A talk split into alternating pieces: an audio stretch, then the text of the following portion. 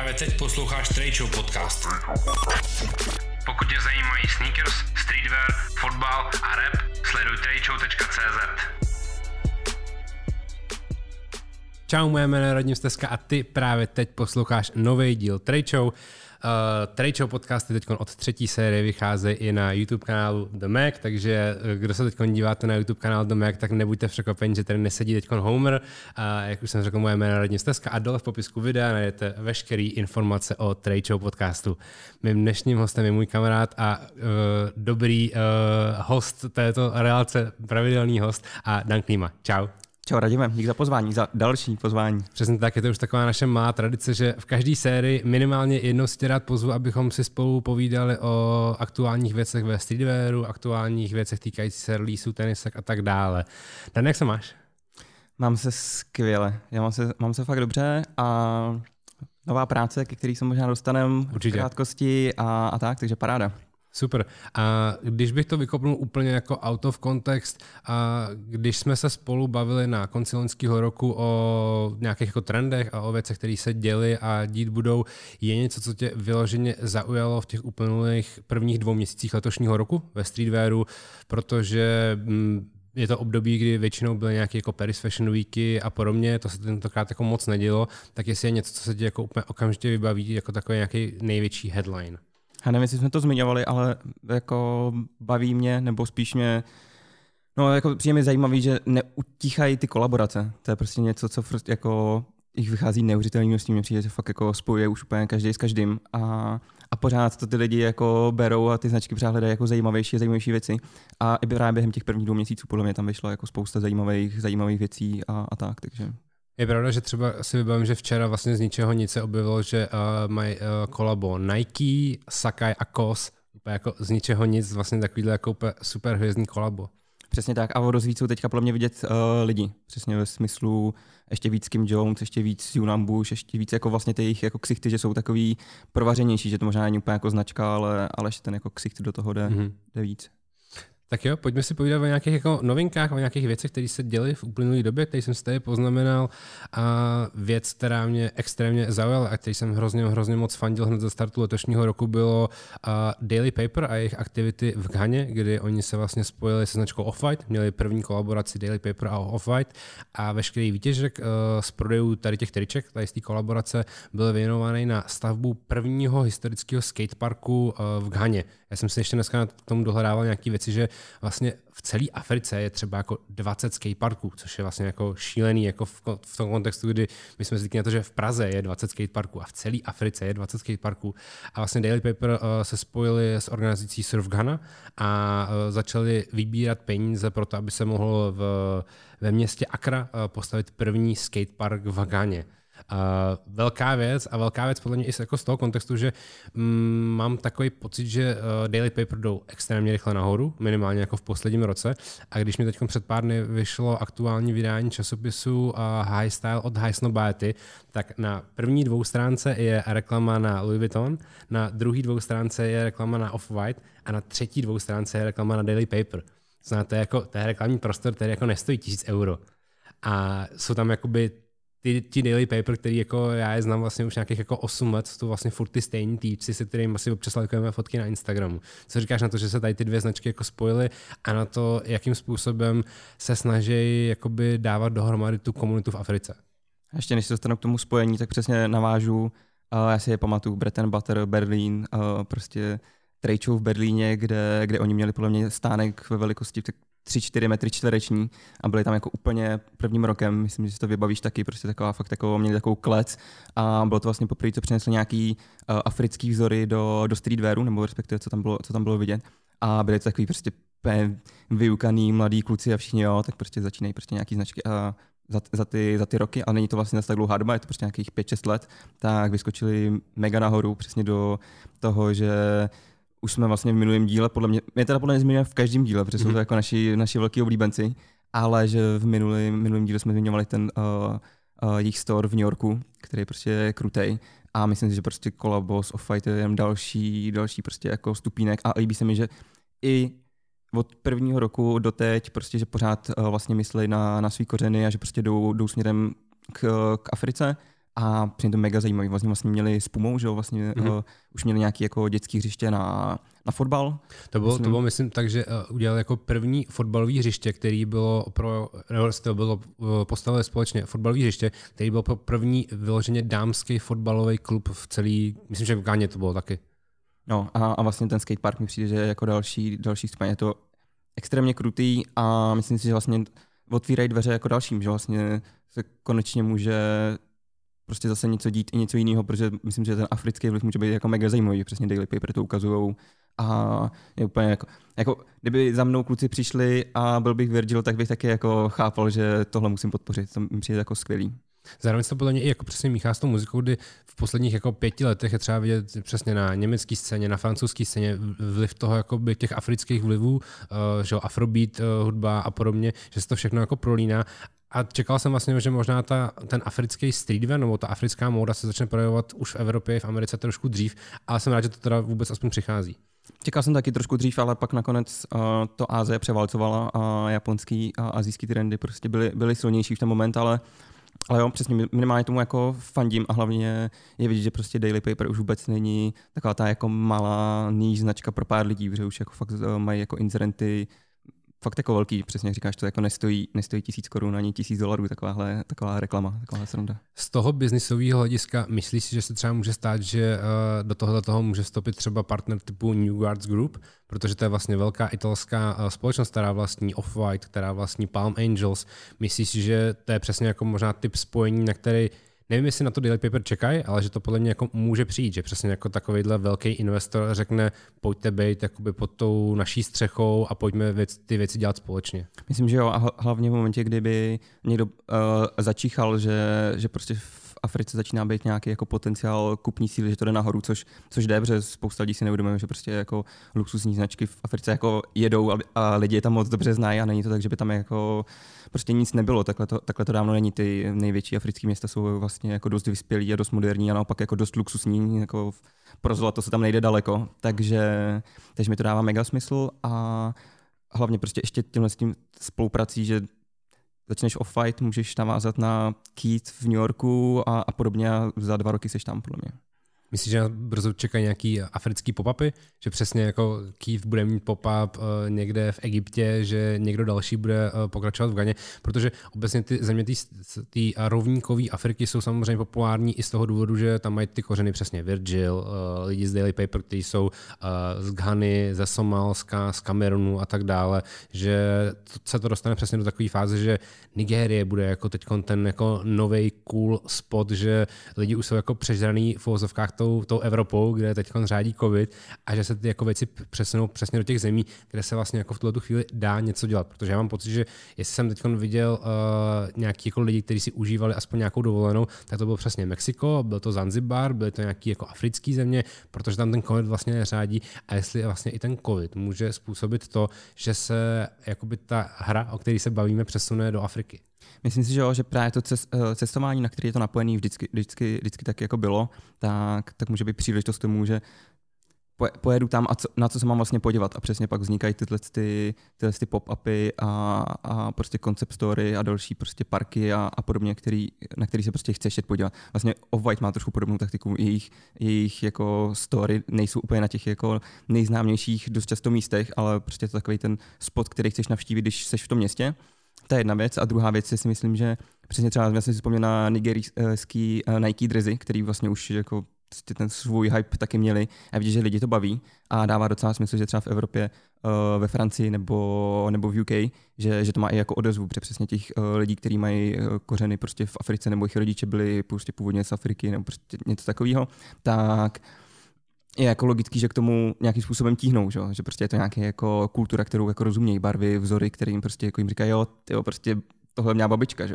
ale vidíme, že se to vrací, takže si myslím, že, že to může jako krásně navázat. Plus, a myslím, že jsme trošku přežraný už jako všech různých designérů, artist a směrů prostě z Milána, z Paříže a podobně. A prostě kolik znáš jakoby zajímavých uh, jako artist prostě z Afriky nebo nových designérů nebo prostě hudebníků a podobně a můžou prostě přijít něco úplně, úplně něco jako novýho, něco, co si říkám, wow, tak konečně zase prostě jiný směr, uh, něco trendy. Je, je pravda, že tohle to přesně navazuje třeba jako na myšlenkový pochody lidí z Daily Paper, kdy oni vlastně jejich dámskou kolekci designuje designérka, která je z Jihoafrické republiky. Už se vlastně dva roky stará o to uh, žena, která je přímo z Jihoafrické republiky, která s nimi ani nesedí v Amsterdamu, ale vyloženě to svěřili někomu, kde ve velkých uvozovkách místní. A myslím si, že vlastně to může celý prolomit uh, jenom nějaká v úzovkách blbost ve smyslu, kdyby, kdyby olympiáda nebyla v Tokiu, ale byla by prostě v Africe, tak to přinese prostě ten, ten spotlight prostě na, na tu danou zemi nebo na tu danou lokalitu a, a bude všechno jakoby extrémně nahoru. Takže si myslím, že fakt nějaká jako, i, jako větší, větší světová akce může tohle brutálně vystřelit. OK, pojďme se uh, z Afriky přesunout zase tady do té uh, chladné Evropy, protože by mě zajímal tvůj názor na otázku, jestli budou Salmon bajerské tenisky roku 2021, protože my se v našich podcastech velmi pravidelně bavíme o tom, co nosí uh, streetwearoví bajeři, kteří mají v uvozovkách ten nejlepší vkus, protože všechno vidí 6 až 8 měsíců dopředu, tak jestli modely XT2, XT4, XT6 od uh, jakoby subbrandu nebo řady Salmon Advanced budou ty největší bajerský, nejlepší bajerský boty roku 2021. Ale uh, vzhledem k tomu, že Bajeři teďka běhají víc po lese než po Paříži, tak, tak by mohli být, protože uh, ne, ne, ne, to si nám prdel, ale uh, přijde zajímavý na Salomonu, že to není úplná zas náhoda. Oni vlastně nějaký už jako čtyři roky zpátky podle mě začali se objevovat v určitých jako pařížských koncept storech, jen tak jako, jen tak ze začátku to vypadalo, že to je jako z prdele, ale vlastně ten, ty lidi, kteří je tam dotáhli, byli ty bajeři, kteří právě řekli, hele, pojďme to tady smíchat, to vlastně dává jako hrozný smysl, to je, to je prostě jako krutý. No a myslím si, že právě díky tomu teď nastal ten čas, kdy, kdy jako bajeři schodí svoje jakýkoliv jiný tenisky a, a půjdou do nich, no, protože se to jako osvědčilo po těch podle mě třech letech, že oni měli ten čich na ten, na ten trend dobrý a je to, je to právě jako extrémně neobvyklý. Uh, v Čechách třeba jako poměrně i docela některé modely jako těžko k sehnání a, a podobně to je jako v Evropě v jiných zemích, takže já si myslím, že Salomony budou taková, takový černý kůň turné. Já si právě myslím, že ono k tomu samozřejmě hodně nahrává i to, že se hodně obecně v posledních dvou letech vrátil ten trend toho outdooru a i ta pandemická situace v loňském roku, kdy vlastně lidi mohli jenom chodit ven, nic jiného, jakoby do přírody, tak to tomu samozřejmě taky napomohlo, že všechny jako outdoorové značky šly velmi rychle nahoru. Ale třeba pamatuju moment, kdy jsem byl poprvé v životě eh, v Paříži ve Slam Jam showroomu, což bylo přesně před třema rokama a ten uh, agent z Slam Jamu se mě ptal, co si myslíte o tom, že by se vrátili tenisky Salomon? A normálně jsem měl jako pocit, že přesně Slam Jam jsou jako ti největší insideři, kteří jako v vozovkách míchají těma kartama, že oni si to vlastně jako zjišťovali a přesně dávali pak tu zpětnou vozbu do toho Salomonu. Máme začít dělat kolaba, máme dělat boty, které budou stát 200-250 euro víc a podle tady přesně možná už začíná jakoby ten influence a to jako to, jak se vytvářejí ty trendy, což mi přijde vlastně zajímavý v tom kontextu toho, že teď už víme, že to vlastně trendem je, že přesně když vidím, že Salomon má teď kolabo s Comme de Garçon, má kolabo s japonskýma Beams, a vidím, jak to přijde na ten end clothing a je to okamžitě vyprodaný. A hlavně si myslím, že mají extrémní výhodu podobnou jako, jako třeba Stone Island, že pro ně to není jako primární, primární biznis. Uh, oni pořád se budou tvářit, že jsou dál uh, outdoorový, trailový, sportovní a že vlastně všechno okolo streetwearu, fashion a podobně je něco, jako, něco navíc, což je a jim to jako zvýší tu popularitu, ale není to, není to jako hlavní, hlavní biznis, tím pádem k tomu přistupují podle mě úplně, úplně jinak a můžou si právě dovolit dělat ty jako hodně krutý kolaborace vlastně v malém množství kusů nebo prostě jako fakt jako v limitkách a to je zase jako věc, která nikoho jako v širší veřejnosti zase tak zajímat nebude, ale přesně je to úplně to, co jako toho Bayera zajímá a, a, a tyhle ty jako insidery zajímá. A pak se to nese dál. Přesně, když přijdeš jako vždycky poznáš přesně podle Slam Jam showroomu, co se bude nosit prostě příští, příští půl rok, jestli to budou velký boty nebo malý boty, nebo bačkory. Je pravda, že chlupatý bačkory a veškeré jako chlupatý house shoes uh, byly to nejzajímavější, co jsem vždycky ve Slam Jam showroomu viděl. A, a je to fakt, vidím, vidím to tam, protože i třeba co jsi zmínil tu, tu cenu, jo? že vlastně ten pricing už je takový, že odpovídá vlastně nějaký jako fakt prémiový nebo luxury model, že si to vezmeš i k něčemu fakt jako drahýmu, že, že mám třeba problém tohleto, i když mám zrovna nohou s ACGčkama, že prostě to pro ty bajery zase tak jako nikdy nebude zase tak zajímavý, že je to spíš takový jako hravější, nebo že to není, že ta technologie třeba není ještě tak daleko, že vlastně vodu víc v tomhle třeba Nike jde u, v ISPě nebo něco takového. Mm-hmm. Ale prostě Salomonu nemůžeš říct, že jejich technologie, že to je jako vymyšlený, jako prostě mají za sebou jako extrémní roky zkušeností a vývoje té boty a vlastně, když řeknu, že to je fakt jako pohodlný a naven, tak je to fakt pohodlný a naven. A zároveň oni jsou jakoby odkojeni těma nejvíc extrémníma podmínkama, protože vlastně ty tenisky, o kterých se tady bavíme, tak uh, řada z nich vychází uh, z mountain running uh, bot, to znamená prostě z bot, který jsou dělaný fakt do extrémního terénu. Uh, když se podíváš na uh, první desítku všech běžců, který běží UTMB, to znamená nejextrémnější běh uh, v Evropě, což je vlastně uh, běh okolo Mont Blancu, uh, ultramaraton 100 km, tak vlastně první desítka, možná první padesátka běžců je vše, jsou všechno sponzorovaný běžci od Salomonu, protože oni běhají v těch jako nejvíc vychytaných technických botách od Salomonu. Protože se to běhá ve Francii. A tak se to samozřejmě běhá ve Francii, přesně tak. Ale jak dokážeš představit uh, Moncler Salomon uh, kolabo, že by docela jako zafungovalo? Úplně v pohodě.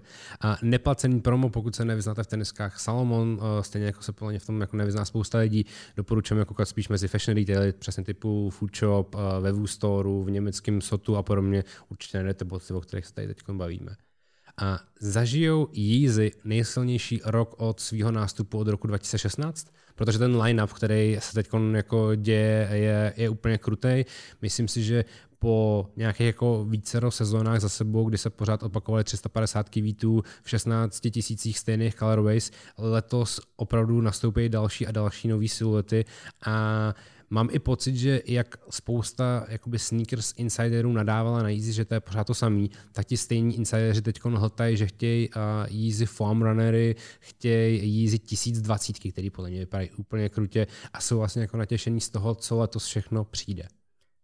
Myslím, že bude extrémně záležet na tom, jestli se to chytne uh, v Číně, nebo, nebo prostě jako obecně, obecně v Ázii, uh, protože to podle mě, když tam pojede, a jízíčka tam bude, jako bude tam po ní hlad, tak můžou být fakt Můžeme se na konci roku bavit o tom, jak prostě ovládli rok a jak prostě mega vydělali, jak rozšířili kolekce.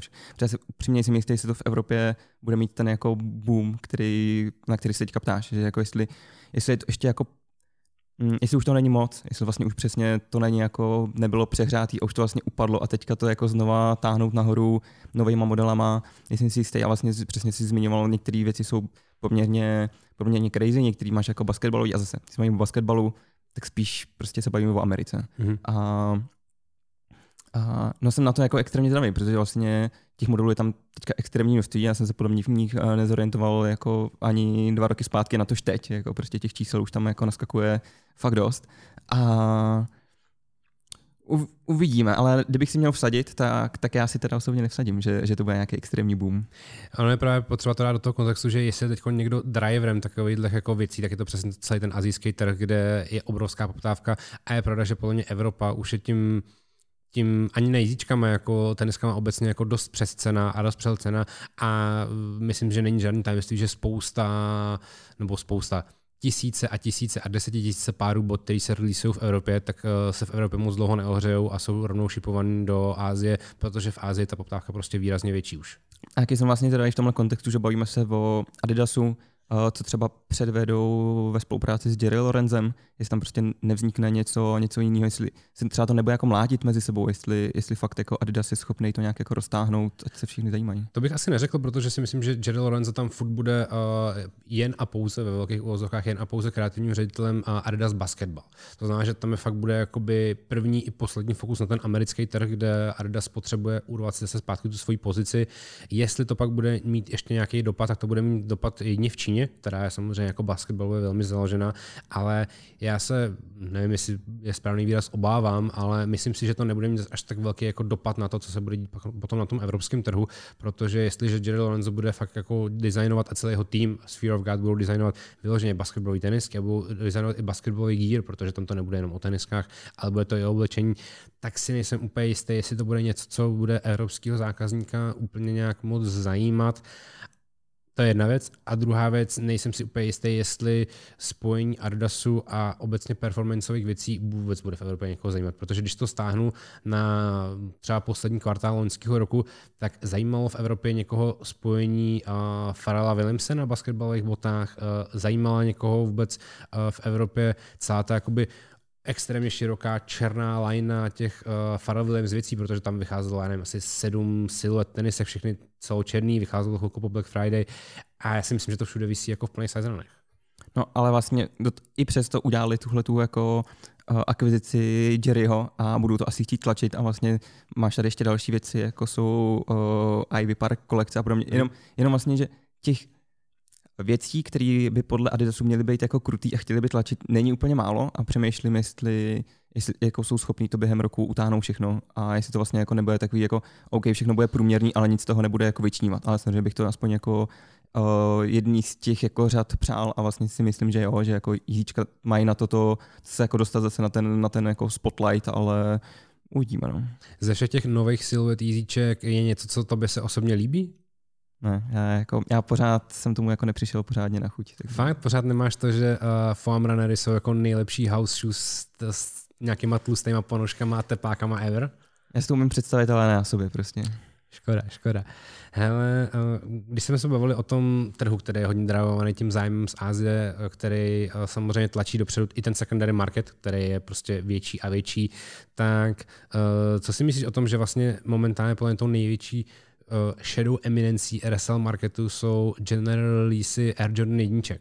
To znamená Air Jordan jedničky mid, Air Jordan jedničky low, uh, GS Journey, Vnímáš třeba to, jak moc se reseluje vlastně jako tady ta úplně obyčejná bota, která nemá eh, release přes sneakers appku a která se vlastně jako dá koupit relativně snadně a dá se relativně snadně flipnout dál?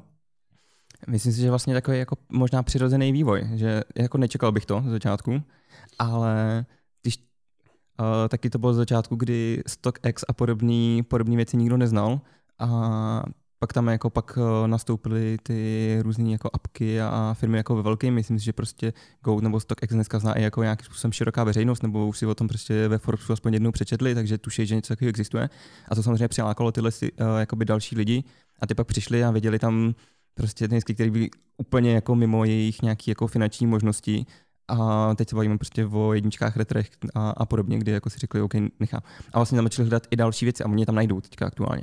A za už nějaký jako rozumnější, rozumnější price a myslím si, že při tom, jak to Nike a Jordan dělají s tou distribucí, která fakt je těžce pod kontrolou a, a jako není toho prostě na trhu jako zbytečně moc, jako skoro nikdy, tak, tak prostě když chtěli jako víš, jako nějakým způsobem zaujmout prostě i, i, i to širší publikum, tak se to prostě najednou dostali na tyhle ty modely. No. Vzhledem k tomu, jak uh, Nike, potažmo Jordan dokážou kontrolovat ten uh, segment těch retailerů, to znamená těch klasických obchodů, který prodávají věci, myslíš si, že uh, bude v jejich silách a budou mít na to vlastně jako možná chuť začít kontrolovat i ten secondary market? Protože vlastně v tom secondary marketu se samozřejmě momentálně točí třeba v některých částech i víc peněz než v tom jako běžném trhu a myslím, že Nike si řekne OK, tady se točí prostě miliardy a miliardy dolarů a my je chceme a něco s tím uděláme.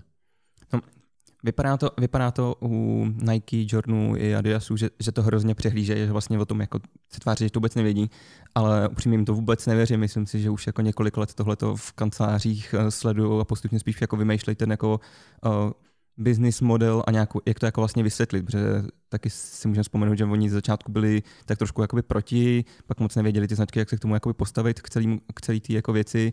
Teď to zase svým způsobem jako naopak nějaký jako podporujou a myslím si, že jak říkáš, tam dost často říkáš, že vlastně v Americe je to stejně velký trh, ne, ne prostě jako větší a byli úplně jako blbý, kdyby nechali tyhle ty peníze jako ležet, ležet jako skladem a, a jen tak jako na ulici. Já si myslím, že do toho, do toho půjdou, ale nejsem schopný teďka vlastně asi odhadnout, jakým, jakým způsobem. No. Ale myslím si, že když ne oni, tak prostě to vidíš u, u velkých retailerů, že prostě Footlocker už si jako zařizuje své investice eh, do, do reselů a podobně, takže jako přijde to, no. Já jsem pořád překvapený z toho, jak Footlocker je možná trošku pozadu jako v rámci e-commerce. To je třeba pro mě jako nepochopitelná věc, jak takhle jako velký, nechci říct korporátní jako značka, ale prostě takhle velký jako business uh, se stále jako neetabloval na tu dobu, která je jako extrémně e-commerceová, protože podle mě, jestli spousta podnikatelů uh, během loňského roku něco pochopila, tak je to to, že musí mít e-shop, musí prodávat na dálku. A podle mě třeba na ten footlook, já si nedokážu představit, jaký musí být jejich jako skladový zásoby, protože podle mě oni do dneška mají e-shop řízený, dokonce bych řekl, že i z Británie, co znamená i vzhledem jako k Brexitu je to úplně jako neudržitelný uh, jak, vypadá jejich, jak, jak vypadá jejich stok. A, a já si myslím, že do dneška jako nepustili třeba do České republiky. To, no, to si myslím, že jo. Ale, jo? jo? to si myslím, že jo. Ale Hele, já si hlavně myslím, že oni uh, to pochopili, ale že oni to nemusí budovat. Že vlastně přesně to, co jsi říkal, je, ale tak pojďme teďka udělat, jako by šlápnout do toho jako e-commerce, zainvestovat tam peníze. Já myslím, že oni půjdou a prostě jako koupí někoho, kdo už to umí. Že, že to bude pro ně dost jednodušší, než teďka tam jako celý tenhle ten korporát nějakým způsobem jako přetvářet a, a dělat něco jiného. Tak to, co nám podle mě poslední měsíci, měsíce ukázali je, že když jako nevíš jak na to, tak eh, kup někoho, kdo, kdo ví jak na to. A pro ně podle mě dost Kdybych eh, řekl, že mají přesně jako šlápnout do resellerů, tak než aby začali budovat nějakou svoji vlastní platformu, tak bylo dost jednodušší prostě jít na nějakou, eh, která už jako funguje a koupit jí. A že podobně to bomí s e-commerce, že prostě když nevíme jak na to, tak prostě najdeme někoho, kdo, kdo už jako funguje v tomhle světě a, a koupíme to. A neříkám, že Sneakers and Stuff se stane jako součástí uh, Footlockeru, ale jako, proč ne, vlastně by to docela dávalo smysl. Myslíš si, že Daniel Křetinský potom, co eh, zainvestoval do Footlockeru, že zainvestuje do Collectu, nebo do StockX, nebo do GoTo? Hele, já si umím představit, že, že něco takového vznikne a asi nebudou investovat do, do uh, e-commerce projektů, který jsou etablovaný v Evropě, protože Footlocker je v Evropě jak je etablovaný. Ale když se budeme bavit o východní Evropě, když se budeme bavit o Ázii přesně, tak tak to dává zase jako mega smysl. Já vlastně mm, už tam jako proběhly i minulý rok některý, některý uh, uh, kontakty, že co se týká jako luxury a luxusů, takže prostě jako nějaký propojení Alibaby a, a, a podobných a luxusních značek a přesně o Whiteu a podobně už jako tam nastalo a, a dává to jako vlastně docela taky zase smysl. Takže já myslím, že nic budovat nebudou, že ještě rok počkají, uh, Footlocker se asi jako z jednoho nebo dvou let uh, covidu na, na země kouli jako nezblázní. Uh, nějak to jako akcionáři to chvilku jako pochopí, zamáčknou slzu a za dva roky prostě přijdou s něčím, co pozbírají jenom. Okay. A co říkáš na to, že značka New Balance letos chystá velký návrat svojí nejprodávanější siluety s čísleným označením 574? Že se mi vlastně uh, každý půl rok uh, 574 líbí míň a míň, mi přijde, že se mi začátku byl vlastně fakt jako mega oblíbený model ve smyslu i v mých jako očích. A teď mi přijde, že o dost zajímavější, o dost zajímavější věci.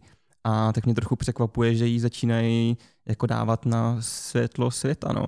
Mě to jako nepřekvapuje, protože si myslím, že vždycky se každá značka vrací k tomu, co je dlouhodobě nejprodávanější model. Adidas bude mít letos velkou kampaň se Stancemi sama, se kterými jako nevím úplně upřímně, co chtějí dokázat, ale chápu ten jakoby koloběh těch siluet a těch jako franchise, že se prostě musí vlastně z nějakého jako principu vracet, protože vždycky se vracíš k tomu, co se ti nejlíp prodává. A myslím, že vlastně Stancemi jsou do dneška nejprodávanější bota značky Adidas ever. A proto mě vlastně nepřekvapuje to, že New Balance se vrací zpátky k 574 čtyřkám, protože zase jako projeli nějaký jako koloběh, kdy byly 990 na vrcholu, kdy byly 1300, 1500 a tak dále a tak dále. A mají k tomu samozřejmě připravený své klasické zbraně typu kolabo s I'm Leondor, kolabo se CDG. Viděl jsem nějaký sneak že Yorkský umělec Louis de Guzman bude mít své vlastní kolabo s New Balance a tak dále. Bude fialový. Ano, no, no, no, no. A akorát si říkám, jestli jim to teda jakoby vyjde, protože když jsem přemýšlel nad těma kolaboracemi a nad tím, jak by to ty 574 mělo vrátit zpátky na trh, tak jsem se zároveň zamyslel nad tím, uh, loni se vlastně něco podobného eh, dělo se silotou 550. Extrémně se povedla um, kolaborace s I'm on Door, ale pak jsem si v duchu říkal, ale prodávaly se ty 550 jako v rámci general leaseu. Uh, proda- vlastně nevyskočily jenom ty kolaborace, o kterých se psalo a který jako spousta uh, sneakers influencerů a podobně si kupovali, ale pomohlo to tomu, jakoby tomu té hlavní části toho biznesu?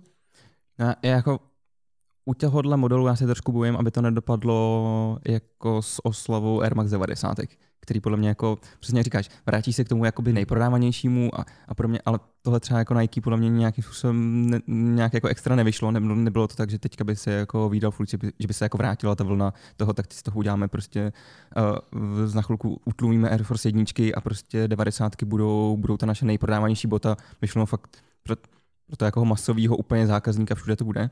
A nevím, no, mně přijde, že vlastně jako New Balance fakt byly jako nejzaj, nejzajímavější těma právě divnýma modelama, když tak řeknu, těma, který možná lidi zase tak dobře neznají a že právě to dobře fungovalo ve spojení třeba s Leondore a podobně. A vlastně si neumím 574 představit jako v Leondore kolabu, jestli to bude jako vypadat dobře. A umím se vlastně o dost víc představit nějaký jako ten general release, který, který poběží, než tyhle ty věci, které ale podle mě New Balance teďka táhly nahoru. Jako já se zase možná trošku bojím toho, že řeknu teď, že uh, 574 už se mi vlastně asi nikdy líbit nebudou. I přesto, že jsem byl 8 let zpátky jejich fanoušek a měl jsem prostě jako 3-4 páry, ale zároveň si dost myslím, že jakmile fakt přijde I'm Londor Korabo, tak prostě bude vypadat dobře. Protože oni jako nedělají blbý věci.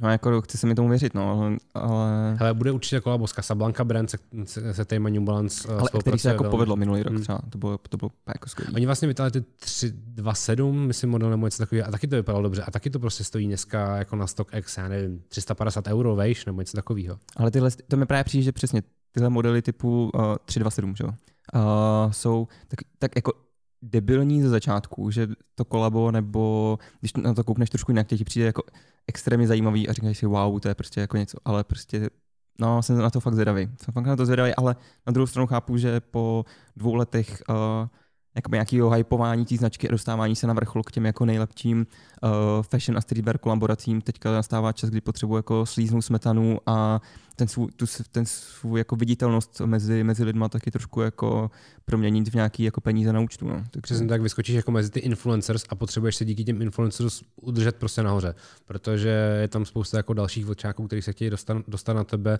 a, a vzhledem k tomu, že si New Balance teď vybojoval nějakou docela hezkou pozici, tak si myslím, že to potřebuju jako udržet. Jako umím si představit, že, že minulý dva roky jim uh, nahráli v tom, že teďka už na End Clothing nemají prostě pro ně vyhrazený regálek, ale prostě celý sklad a že oni teďka ten celý sklad jim jako prodají, řeknou, hele, fakt vsaďte tenhle rok na, na tuhle tu, na tuhle tu suletu a my vám dodáme prostě každý, každý dva týdny vám dodáme novou colorway, která bude prostě uh, úplně obyčejná, ale bude se vám dobře prodávat, budou tu prostě hezký barvy. Někdo z těchto těch retailerů na to skočí, objedná a všichni vydělají. Hele, jsou podle tebe Margiela Reebok Classics eh, Taby Sneakers s cenovkou 7799 korun tím nejstupidnějším kolabem letošního roku so far. Něco podobného, jako když přesně před rokem vyšly Adidas Superstar Prada, který stály asi 890 euro. Ty, ty uh, Prady jsou to jako hodně oblíbená teniska, víc? To, to máš hodně rád. Tohle. Hele, hele, i přesto, že já jsem třeba relativně, nechci říct, že fan, fanouškem, ale mi se třeba líbí teď ty uh, nový Prada Adidas tenisky, který si teď nevybavím jejich název, ale Sean Waterspoon v nich, skateuje a vlastně to jako vypadá docela dobře. Ale zpátky uh, k Margiela uh, Tabi Sneakers z Reebok Classics. No bylo by jednoduché říct, že to je úplná blbost jako největší. Ale co mě vlastně na tom zaujalo, je, že vlastně pro ně úplně jako signifikantní přesně tahle ta špička, že jo. A to je podle mě něco, jako kdyby, když Nike by potřeboval jako zpropagovat svůž, tak na kolabo mrne prostě svůž a je to, je to hotový. A že oni jako jim se podařilo vlastně ten svůj jako nejvíc jako signature věc dostat na něco, co normálně tam jako nebejvá. A podle mě teďka, když si řekne uh, Margiela, tak si vybavíš tu špičku té boty a budeš vědět, že tohle je jako ono. Takže myslím, že se jim jako docela podařilo si zvýšit uh, jako nějakou brandovou znalost mm-hmm. uh, tohohle prvku, ale to pořád jako neznamená podle mě to, že to bude někdo kupovat, no vypadá to vypadá to úplně debilně. Jako ta cenovka je samozřejmě taky šlená, ale ono to jako odpovídá samozřejmě tomu, že Margila jako nedělá úplně levné věci a samozřejmě nejlevnější věc, kterou si můžeš koupit u Margila je svíčka za 15 stovek, takže ani, ty, ani to kolabo z Reebok Classics nemohlo stát ani 299, ani 399, ani 4990 a proto to má takovou cenovku, jakou to má. Jako, mm, taky tomu nehrává přesně to, že jak říkáš, Fashion Weeky se teďka odehrávají spíš jako na Zoom kolech, než, než prostě v ulicích. A já si můžu představit, že přesně to, je, vědět, že to bylo naplánovaný, že na začátek roku, že, že to bylo plánovaný tímhletím, tímhletím směrem, ale prostě nikde po světě se nic jako neděje a nemá to kdo jako vyníst do ulice a říct, jo, ale tak vzal si tyhle, ty, tyhle ty lidi, tak asi něco je na tom jakoby bude. Vlastně nikdo to, nikdo to jako nevynes. Myslíš, že kdyby, to, uh, kdyby se to objevilo ve všech uh, street style fotoreportech, že by ta teniska byla úspěšnější než je teďkon? Myslím si, že jo, že by to mohlo mít takový ten, takový ten vibe, nevím, co mělo prostě Vetmo věci a podobně, že vlastně by to mohlo být takový, to je tak, to je tak jako ugly a debilní, že vlastně je to nějaká třeba recese a že nás to jako hrozně baví a tak do toho jdem. Mě spíš jako překvapuje, že do toho šli vlastně s Reebokem, no. Mm. Který podle mě už nikoho nezajímá. To je pravda. Už vlastně nezajímá ani, tu, ani, ani Adidas Group, který ho vlastně... Už ani Adidas to nezajímá. A přesně. snaží se prodat za tržní hodnotu 1,2 miliardy dolarů nebo něco takového, že? Jestli máte někdo na účtě, tak to kupte a uděláme, uděláme z Reeboku zase něco dobrýho. Já jsem zvědavý, jestli se do toho pustí ten, ten Master P, myslím, který to chce koupit a chce z toho udělat jako basketbalovou značku v Americe, velmi, velmi jako, že ji, že ji jako zachrání basketbalem a hip-hopem. A to je takový, jak podle mě součást toho plánu má být, že s 50 Centem udělají znova G-Unit Reebok tenisky, ale podle mě v roce 2021 už to nikoho nemůže zajímat. Já, já bych, já, v mých očích bych Reebok vrátil do, do UK udělal bych z toho malou, malou níž značku pro, pro pár lidí a čekal bych, až to se jako chytne tu vlnu. No. Hele, eh, co říkáš na to, že Ronnie otevřel první evropský obchod eh, Keith v Paříži, eh, který má tři patra. Je samozřejmě úplně narvaný teniskama a streetwearem. Je tam pobočka Keith Treats, to znamená cereálního baru, kde si můžeš namíchat cereálie s mlíkem podle receptů různých influencerů, lidí z teniskového světa a podobně. A krom toho tam je ještě bistro Keith Saddles, což je nějaký, což jsem se koukal, že to je jakoby luxusní brunch bistro, který je v Americe jako v Bellagio Casino v Las Vegas a v hotelu Four Seasons v New Yorku a tak podobně. Takže kolik máme času, že jsme se teďka rozpovídali pořádně. Hele, no, začal jsem se koukat, jestli jede uh, přímý vlak Praha-Paříž jestli jsou nějaké letenky, pak jsem zjistil, že nemůžu opustit okres, ale rozhodně je to velká, velká věc z tří tisíc různých důvodů. Za prvý, uh, konečně uh, Evropa má jako přístup k některým věcem, což je podle mě fakt jako důležitý. Je to fakt jako Tomu, tomu, tomu říkám expanze, tomuhle. Je pravda, že to musíme doříct, že koupit si Keith oblečení a Keith kolaborace bylo docela náročné, protože se to objednávalo jakoby z amerického e-shopu a teď on má Keith svůj vlastně jako svůj evropskou část e-shopu Keith Europe, kde se dají jednoduše, velmi jednoduše objednávat věci jako nahned kde jedna z velkých hlášek na tom, na tom webu je, že přesně jakoby nemusíte se bát žádných uh, daní a cel a podobně, je to fakt jako uh, EU, EU firma, což mi přijde jako skvělý. Uh, ten prostor je nádherný, je úplně jako obří, dělali na něm uh, vlastně lidi, kteří dělají na všech uh, jiných kýt, uh, uh, prodejnách, takže, takže to jako mega drží, mega drží ten jako koncept uh, už jako od začátku. Uh, myslím, že tři patra to má? Tři patra to má. Je to uh, jednu ulici od Champs-Élysées, je to asi tak uh, 300 metrů od, no 300 metrů, možná 500 metrů od uh, Louis Vuittonu na Champs-Élysées, to znamená na té úplně jako nejvíc uh, prodejní ulici světa v podstatě skoro. A přišla mi to uh, hrozně zase jako promyšlená, tak jako u Ronnieho většina věcí, uh, že tak jako trošku jde na ruku francouzům, a zároveň tam jde takovým s tím jako svým jako americkým, americkým stylem, že vlastně přesně máš tu první věc, tohle teda jako se opakuje z toho azijského obchodu, ale uh, první věc, kterou tam vydáš, jsou jako Air Force jedničky, takže vlastně taková ta jako Amerika, ale do toho dáš ten jako tu francouzskou trikoloru, aby, aby teda jako francouzům dělal dobře.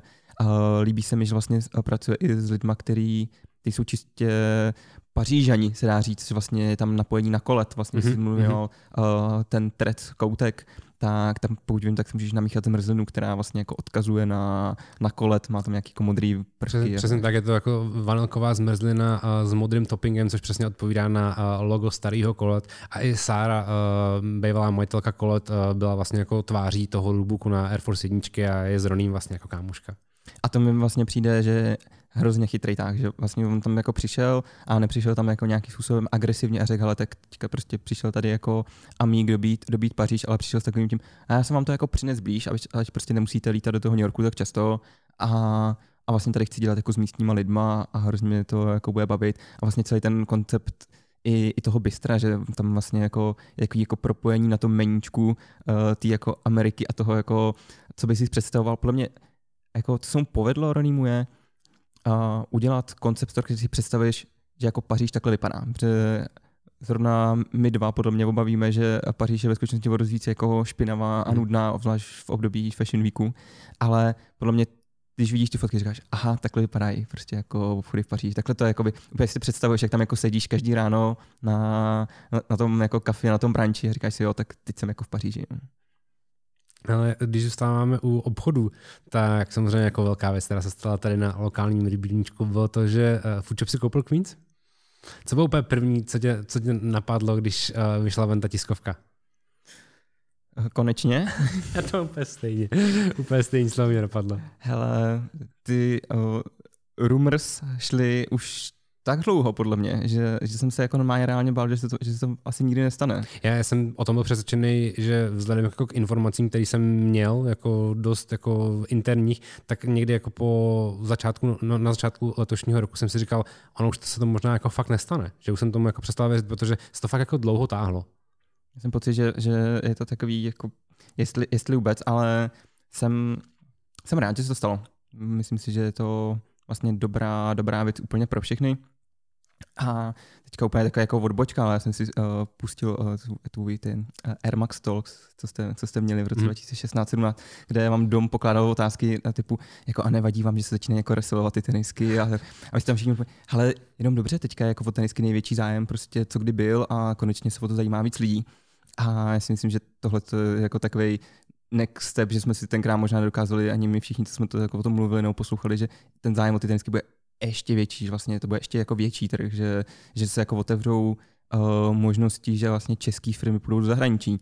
A zase, když to stáhnu k té době, kdy jsme koukali na Daily Paper uh, v Berlíně, tak to bylo, že jsme tam podle mě jako chodili jak prostě kluci z Prahy a, a říkali jsme, jak to všichni dělají tyhle ty jako overkilly a sota, takže vlastně jako neustále jako rostou a, a dneska už to dává smysl, prostě dá se říct, že to měli tak trošku jako rozdělený ten trh, věděli, kdo co dělá, a kde mohli, tak si nekonkurovali, kde, kde mohli, tak si pomohli a, a táhli se nahoru a je za mě jako dobrý, že se, Zajímá mě tvůj názor, ale podle mě jako se tímhle otvírá jako šance i pro, pro český obchody. No? No sam, samozřejmě, já si myslím, že tato jako fúze je jako nezbytný, ne, nezbytný moment toho, toho vývoje, protože přesně jako čím seš menší, tím prostě rychleji odpadneš a čím seš větší, tím si víc jako urveš toho koláče z toho trhu, protože i ten loňský rok samozřejmě jako rozehrál takovou jako, nechci říct jako hru o přežití, ale víme, kdo tahá za nitky, víme, že prostě jako nad všema těma retailerma je prostě přesně jako Nike a Adidas, který vlastně jako určují ty pravidla hry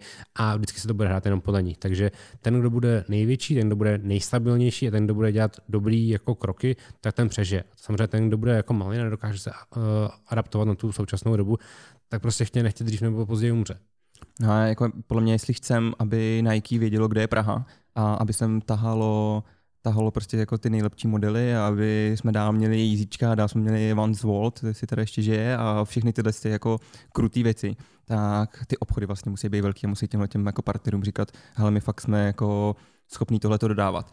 A extrémní výhoda je, že uh, ty německé obchody, které jsem třeba zmiňoval, tak prostě vždycky extrémně preferovali pak jako Berlín, Míchov a tak, protože to větší kupní síla a prostě logicky je to lokální. A já si myslím, že výhoda je, že tyhle ty obchody prostě sídlejí v Praze, takže když si pak můžu vybrat podle mě mezi tím, jestli všechno pošlou do Budapešti, Bukurešti, Prahy, Bratislavy, tak přesně ta Praha tam bude mít nějaký, nějaký slovo, bude prostě silnější, dá se říct, než, než nezbytek, takže my na tom můžeme jako extrémně, extrémně vydělat, podle mě všichni. Jsem by rád, že jsi zmínil ten Air Max Talk, protože už teď můžu uh, líknout, že 26.3. se zase k Air Max Talku budeme vracet v úplně původní OG sestavě. Doufám, že nám to všichni potvrdí. To znamená, já, uh, Dom, Homer a Nobody Listen si opět budeme povídat o teniskách na Air Max Day. Moc se na to těším, bude to samozřejmě tady na uh, YouTube kanálu The Mac. Uh, líbila se ti kolaborace mezi uh, Pelis a Stella Artoa? To znamená pivně streetwearová kolaborace? Uh, první, první nějaký věc, Podle první, co jsem udělal, jsem to někam nazdílel k sobě na Instagram a řekl jsem si, wow, to je skvělý. Vlastně jsem se na to jako zamyslel, říkal jsem, tyhle, mám to vlastně úplně pitomý. A, ale jo, nejsem úplně uh, fanoušek uh, Star, to, ale i tak mi to přijde, že zase, jako, je to jedna z těch bizarních kolaborací, která tě prostě zaujímá a když naposled jsem šel o Pelis, já jako vlastně pro mě to fakt zase byl okamžik, kdy najednou jako vyskočili na tom Instagramu a já jsem si jich jako všimnul. A já Pelis vlastně docela sleduju, protože oni ty kolaborace měli docela různě. Oni měli třeba Artrix, měli kolabo, který byl super, který jsem jako docela si chtěl vlastně jako koupit, protože to je třeba značka, kterou teď víc a víc sleduju. Ale to je takový to kolabo, který je prostě dobrý, ale hmm. právě jako ta Stella je podle mě takový ten jako bizár, který si moc nikdo jiný nemůže dovolit. To je jako jedna věc, a druhá věc je, máš rád Stelu? Chutná ti Stella Arto? Já jsem ji podle mě naposled pil, tak no, jako jednou a pět let zpátky. Podle mě Stella je furt takový jako, nebo jako je to obrovský brand, ale furt je to takový jako europivo. No a viděl jsi ten, viděl jsi ten uh, deštník, nebo co? To měli v té kolekci? No, no, no, no, to bylo super. To byl úplně, to byl úplně gambáč. je, je, je, pravda, že to mělo jako některé věci jako trošku Udělalo kolabo uh, uh, Food Shop Gambrinus, tak to bylo přesně takhle. Já bych byl radši, kdyby udělal samozřejmě uh, Spuzner Airclaw kolabo. A jsem jako smutný, že do dneška jako nevyšlo Queens a pivovar Matuška kolabo, který se mohlo stát. No, je to hozená rukavice. Je to hozená rukavice. Doufám, že nás uh, poslouchají správní lidé na správných místech. Uh, když už jsme zmínili ještě před chvíličkou ty Air Maxy, uh, Myslíš si, že ještě dneska někoho zajímá to, že Slot má kolaboraci s Nike na tenisekách Air Max 1 s podtitulem Kiss of Death, což je vlastně re-release re- modu, který vyšel podle mě před tyva, 11 lety, myslím? Myslím, že to zajímá půlku Hongkongu, což není úplně málo. a, a, asi, asi tak, no. Zase si myslím, že uh, je skvělý, jak máme prostě přístup po ke všemu, ale myslím, že kdybychom byli přeženu, ale prostě 20 let zpátky, tak se o tomhle release možná ani nedozvíme, bude to přesně jako Hong Kong only nebo, nebo něco takového a bude se to sem prostě vozit kontejnerem na tajňačku. A dneska o tom víme a možná to ne úplně všechny zajímá, vracíme k tomu, že tyjo, bychom se možná v Evropě měli vytáhnout hlavu od někuď a trošku se jako říct, že to možná dělali taky jako někomu jinému. A konec konců se ty dnesky docela líbí. Takže... Mně se líbí taky moc, jako skvělý, ale myslím si, že přesně jako to už není uh, release pro evropského zákazníka. I, přes, I přesto, že vlastně back in the days Air Maxi byl vždycky jako nejvíc evropská teniska jako ze všech, že jo? No, ale jako pojďme si říct, že těch evropských releaseů možná bude čím dál tím méně, že přesně hmm. budou jako africký releasy, budou, budou azijský releasy a že budeme rádi, že se k tomu dostaneme. No, myslím si, že uh, se blíží doba, kdy jak ve velkým prostě Aziati cestovali do Paříže a skupovali, co mohli, tak se bojím, že my jednou budeme jakoby ve velkým cestovat do Hongkongu a skupovat, co můžeme. A asi to tak prostě bude, no. Ale ten, jako kon, konkrétně ten release mi přijde dobrý, přijde mi, že přesně je, je, je březen, a.k.a. Air Max měsíc, mm-hmm. tak jako kdy jindy než, než teď, ale doufám, že vydají i něco, něco dalšího. Myslíš, že přijde něco na Air Max Day? Protože já myslím, že vlastně už podle mě loni a možná ani předloni už se vlastně jako Air Max Day neslavil, jako by u Nike. Já si teďka vzpomínám, že podle mě na minulý Air Max Day jsme na Queens uh, YouTube kanále, uh, možná RIP, uh, mm-hmm. točili něco k uh, těm k 2000, 2090, nebo jak se jmenoval ten model, takový ten úplně debilní. No já si hlavně bavu, že uh, ty jsi mě tehdy pozval do Queens podcastu. No, to bylo ono, no, no, to bylo ono. Ale podle mě, já si ani nevím, jestli jsme měli nějaký jako vyloženě jako main topic. Uh... No já si myslím, že jakoby to, tam, tam byly, že vyšly ty DAC Camo, ale potom vyšly ten, ten nový model, takový to fakt 2090, nebo jak se jmenuje, Air Max 2090, nebo tak. No a tak to myslím, že byl docela jako fail, nikdy si to ani nepamatujem. Mm-hmm. A po roce. A, a já jsem někde čet, že, že tohle má být jako to Air Max Day no, jako, myslím, jako že release, že slot, už nic většího nebude. Já myslím, že sloty vychází třeba 18. března, úplně jako mimo jako Air Max Day. No, mimo datum. Air Max Day, ale že jako je to tak trochu k tomu, a že nic jiného už prostě. Možná, že 18. března nějaký svátek eh, v Hongkongu, takže to směřovali na, na toto datum.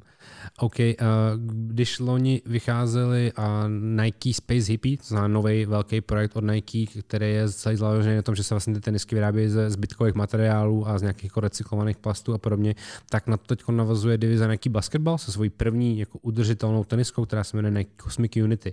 Uh, líbí se ti? Viděl jsi je? Co na ně vlastně říkáš? Viděl jsem je. Viděl, viděl jsem je uh, i kvůli tomu, že pracovně to sledovat musím, ale tak uh, se svýma uh, 174 cm basketbal není moje nejoblíbenější, nejoblíbenější hra, protože jsem tam vždycky dostal na prdel, ale uh, líbí se mi ta myšlenka. Mně se jako líbí, že, že jsme se od nějakého Adidas Parley uh, PR dostali k tomu, že ty značky vymýšlejí uh, pořád jako zajímavější modely a jako i nositelnější modely v této kategorii um, udržitelnost a recyklace, takže mě se jako líbí, přijde jako dobrý. Mm-hmm. Mě taky přijde jako super, že jsem vlastně jako rád, že konečně i Nike se přihlásilo vlastně tady ty jako udržitelné hry, kdy spousta značek o tom jenom mluví a mluví a mluví, někdo z toho se snaží vytlačit jenom ten marketingový potenciál, ale já, když jsem se o tom bavil s Drahošem z Merchu, tak jsem, jsme se vlastně přesně shodli na tom, dokud do ty hry nevstoupí Nike a nezačne Nike říkat, musíme recyklovat a musíme dělat udržitelné věci, tak to vlastně nikoho nebude zajímat, protože zase se vracíme k tomu, že Nike je ten driver celého tohoto toho jakoby fashion businessu. A myslím, že konkrétně ten jako performance segment třeba má na tohle že tam je jako dobrá myšlenka v tom, že těch bot spotřebuješ fakt hodně. Mm-hmm. Kolik jako běžci spotřebují bot, kolik jako profesionální hráči spotřebují mm-hmm. a vzít vlastně třeba přesně všech, pro všechny uh, hráče, jako nevím, prostě v NBA a říct, hele, my bereme jejich jako boty, který oni jako už donosili a bereme a vlastně nějakým způsobem jako recyklujeme a děláme jim z toho jako vlastně zase jako nový boty nebo nový tenisky. Tak mi přijde docela jako zajímavá myšlenka, jak to třeba jako točit a fakt reálně mít dopad na to, že, že se prostě nebude každý den muset vyrábět někde prostě na pásu prostě tisíce a tisíce nových, nových tenisek. Takže jako uvidíme, jak moc to rozpracují a líbí se mi, že už je to jako konec konců i to Space Hippie mě už jako docela jako zajímalo. Není to tak, že uh, já mám doma jako v botníku jedny vedle druhých, ale jako rozhodně to otevřelo dveře pro spoustu lidí. A vlastně na stejné vlně je samozřejmě i značka Adidas, která se tomu, tomu věnuje už delší dobu a společně se Seanem Waterspoonem teď budou vydávat uh, ryze recyklovanou botu z recyklovaných materiálů ZX 8000. Uh, jak se ti líbí tato silueta, jak se ti líbí to, jak uh, se Sean Waterspoon s tím tím modelem poradil? Já mně přijde, že u něj je to takový jako přirozený vývoj v té myšlence, nějaký jako jeho to řeknu jako lifestyle, nebo to, jak když ho sleduješ, jak žije, takže mi to jako přijde super, že to fakt najednou zase věřím trošku víc, že je to ta jeho teniska, že fakt jako od, toho byl od A do Z a, a tak, takže to, to se mi jako líbí jako první. Mm, myšlenka zase super, přemýšlím, jako, že jestli to šlo vůbec tu myšlenku prodat líp než na něčem takovýmhle, podle mě ne, jako prostě vybrali si fakt jako super ksicht, který, který jako řekne, hele, tohle je jako fakt fajn a myslím si, že ta teniska bude dost, dost jako žádaná že, že to bude zase jedno z těch, jeden z těch modelů, který jako se na moc lidí nedostane a bude mít dost vysoký jako price všude na internetu. No jestli se na někoho nedostane, tak to hlavně bude uh, v případě Sean Waterspoon Superstaru, který teď vychází uh, v modrý colorway, která je China only. Hrozně mě zajímalo, uh, jak v Adidasu přistupují k China only releaseu, jestli to bude mít prostě kvantitu třeba 100 000 párů, protože to v Číně právě bez problému. Ono jako já jsem, uh, je docela problém tady jako s distribucí, no, pořád v Číně ve smyslu i uh, že si jako to neuvědomujeme, ale oni ty města jsou od sebe fakt jako daleko a fakt v ní jako bydlí hrozný množství lidí. Takže, takže mám před jako problém s těma kamennými obchodama, tak by mě jako zajímalo, no, ale to, to, dneska to nahrává úplně na tu vlnu, o který se bavíme, no. China only uh, release, prostě. Hmm. Zvykejme si. Ale myslím, že super, na rozdíl od, jak jsme se bavili třeba předtím o těch jízíčkách, uh, jestli už to není moc nebo tak, tak mi přijde, že tahle spolupráce se Seanem jim pořád jako maká prostě jako hmm. fakt dobře. Hele, poslední věc, o které bych se chtěl bavit. Uh, pověz mi něco o tom, že ty máš takovou novou práci, která se týká jednoho nového teniskového projektu a co mi o tom vlastně můžeš říct? Uh, nový teniskový projekt, jmenuje se uh, FlexDoc a vlastně to, kde teďka já a uh, tři, tři další maníci, šílenci u počítačů makáme, tak je to vyhledávač tenisek, který bude nějakým způsobem jako kurátorovaný.